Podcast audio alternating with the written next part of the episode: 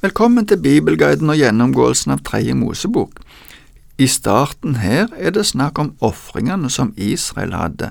Sist gang så vi på syndofferet, og nå går vi over til det som kalles skyldofferet. Skyldofferet er beslektet med det som blir kalt syndofferet.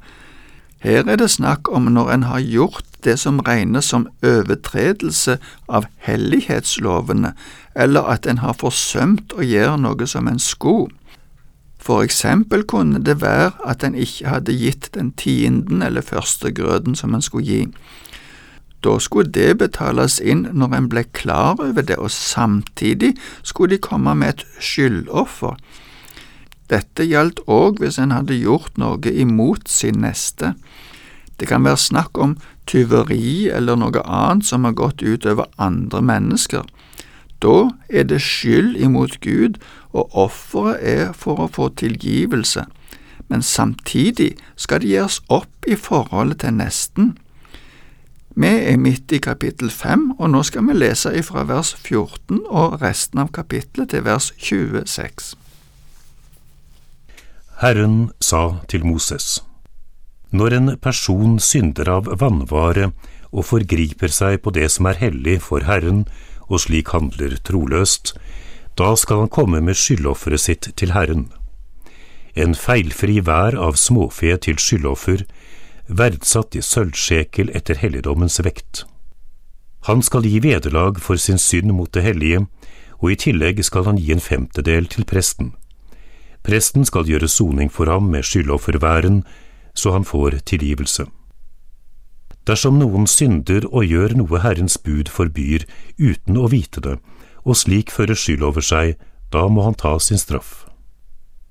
Han skal komme til presten med et skyldoffer, en feilfri vær av småfe, verdsatt som et fullgodt offer, og presten skal gjøre soning for ham for den synden han har gjort av vannvare uten å vite om det, så han får tilgivelse. Det er et skyldoffer. Han har ført skyld over seg for Herren. Herren sa til Moses, Det kan hende at en person synder og farer troløst fram mot Herren. Han lyver for sin landsmann om noe som er overlatt eller betrodd til ham, eller om noe han har røvet eller tatt fra sin landsmann med vold, eller han har funnet noe som en annen har mistet. Han lyver om det og sverger falskt om en eller annen synd som et menneske kan gjøre. Da skal den som har syndet og ført skyld over seg, gi tilbake det han har røvet eller tatt med vold, fått i forvaring eller funnet etter at det var kommet bort, eller sverget falskt om. Han skal gi fullt vederlag og legge til en femtedel. Samme dag som hans skyld blir kjent, skal han gi det til eieren. Dessuten skal han komme til Herren med et skyldoffer, en feilfri vær av småfe, verdsatt som et fullgodt offer, og gi den til presten og presten skal gjøre soning for ham for Herrens ansikt, så han får tilgivelse for alt det han måtte ha gjort seg skyldig i. Vi skal legge merke til at selv om de ikke visste om at det var synd, er det allikevel synd, og det må ordnes opp. Den som på en eller annen måte har gjort seg skyldig overfor sin neste, skal i tillegg til å komme med skyldoffer til Gud også betale til den som de har forbrutt seg mot. De skal i tillegg til å betale tilbake legge til 20% som en bot for det som hadde skjedd. De fem typene offer som vi har gått igjennom til nå, var først brennofferet, som var et offer som peker på Jesu fullstendige overgivelse til Guds vilje. Hele brennofferet ble brent på alteret. Grødeofferet peker på Jesus' syndfrie tjeneste. Fredsofferet viser samfunnet de truende har med Gud ved det som skjedde på korset. Syndofferet er et forbilde på Kristus som bar bort vår og all verdens synd.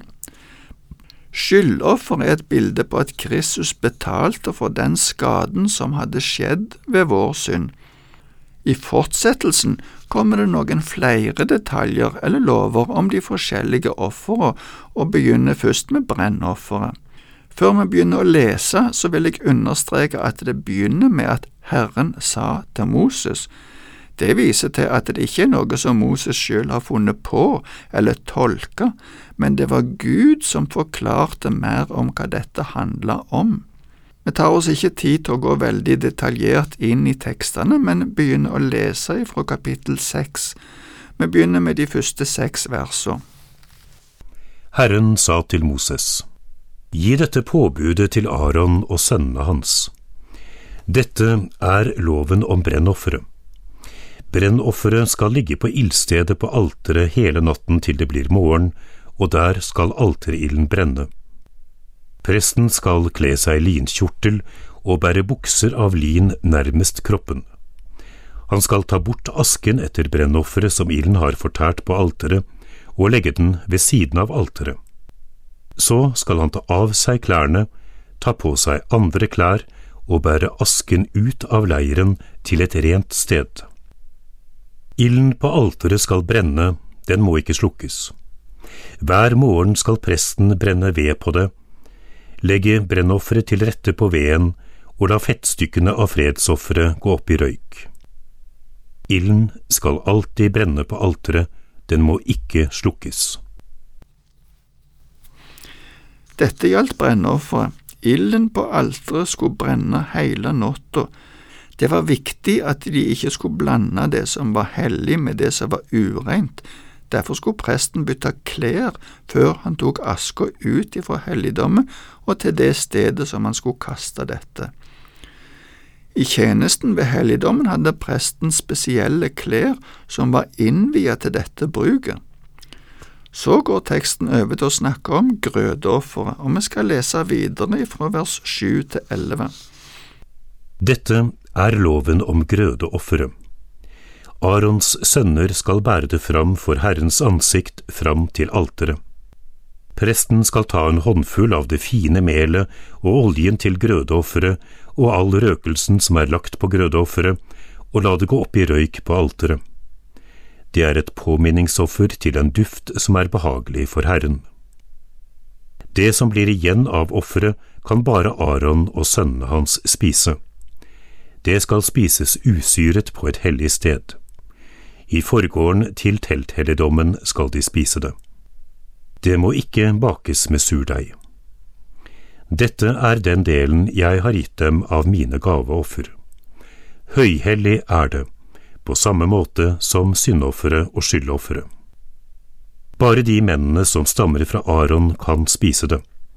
Dette er en evig forskrift for dere gjennom alle slekter om Herrens gaveoffer. Enhver som rører ved dem, blir hellig. Det som ble til overs ifra grødeofferet skulle tilfalle prestene som en gave ifra Herren. Det måtte ikke bakes med surdeig, og det skulle spises på et hellig sted. Det betyr innenfor tempelområdet. De andre måtte ikke røre dette offeret. Så taler Herren til Moses om matofferet ifra vers 12 til 16. Herren sa til Moses, Dette er det offeret som Aron og sønnene hans skal bære fram for Herren den dagen en av dem blir salvet, en tiendedels efa fint mel. Det er det daglige grødofferet som de bærer fram, halvdelen om morgenen og halvdelen om kvelden. Med olje skal det lages til på en helle, og godt knadd skal det være når du kommer med det. Du skal dele det opp i småstykker og ofre det som grødeoffer til en duft som er behagelig for Herren. Den av Arons sønner som blir salvet til prest i hans sted, skal lage det til. Dette er en evig forskrift fra Herren. Hele offeret skal gå opp i røyk. Alle prestens grødeoffer skal være heloffer, de må ikke spises. Det vanlige matofferet som presten skulle ofre hver dag, morgen og kveld, var et offer som skulle brenne opp fullstendig. Ingen skulle spise av dette offeret. Så går vi over til forskrifter om syndofferet.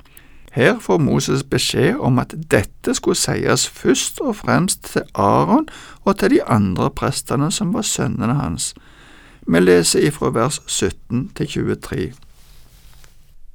Herren sa til Moses, Si til Aron og sønnene hans, Dette er loven om syndofferet.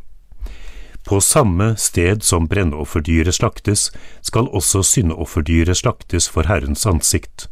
Høyhellig er det. Presten som bærer fram syndofferet, skal spise det.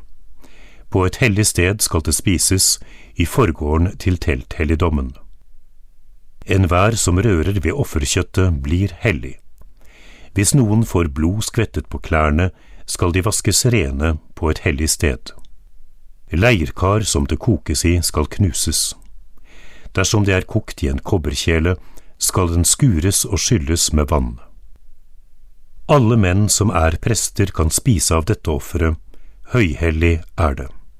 Men syndofferet må ikke spises dersom en har båret blod av det inn i telthelligdommen for å gjøre soning, da skal det brennes opp. Når det var et syndoffer for prestene, skulle blodet bæres inn i helligdommen. Da kunne ikke kjøttet spises, men det måtte brennes opp. Men hvis det var snakk om syndoffer for noen andre, da kunne prestene spise av dette kjøttet. I dette avsnittet ser vi òg at blodet var en viktig ingrediens i offeret, og derfor ble alt som kom i kontakt med blodet, hellig, og det kunne ikke brukes på vanlig måte. Det måtte vaskes eller knuses hvis det ikke kunne bli skikkelig rent med vasking. Blodet i vårt tilfelle, Jesu blod, er det viktigste for oss. Jesu blod renser fra all synd. Men det var det vi rakk i dag. Takk for nå, og Herren være med deg.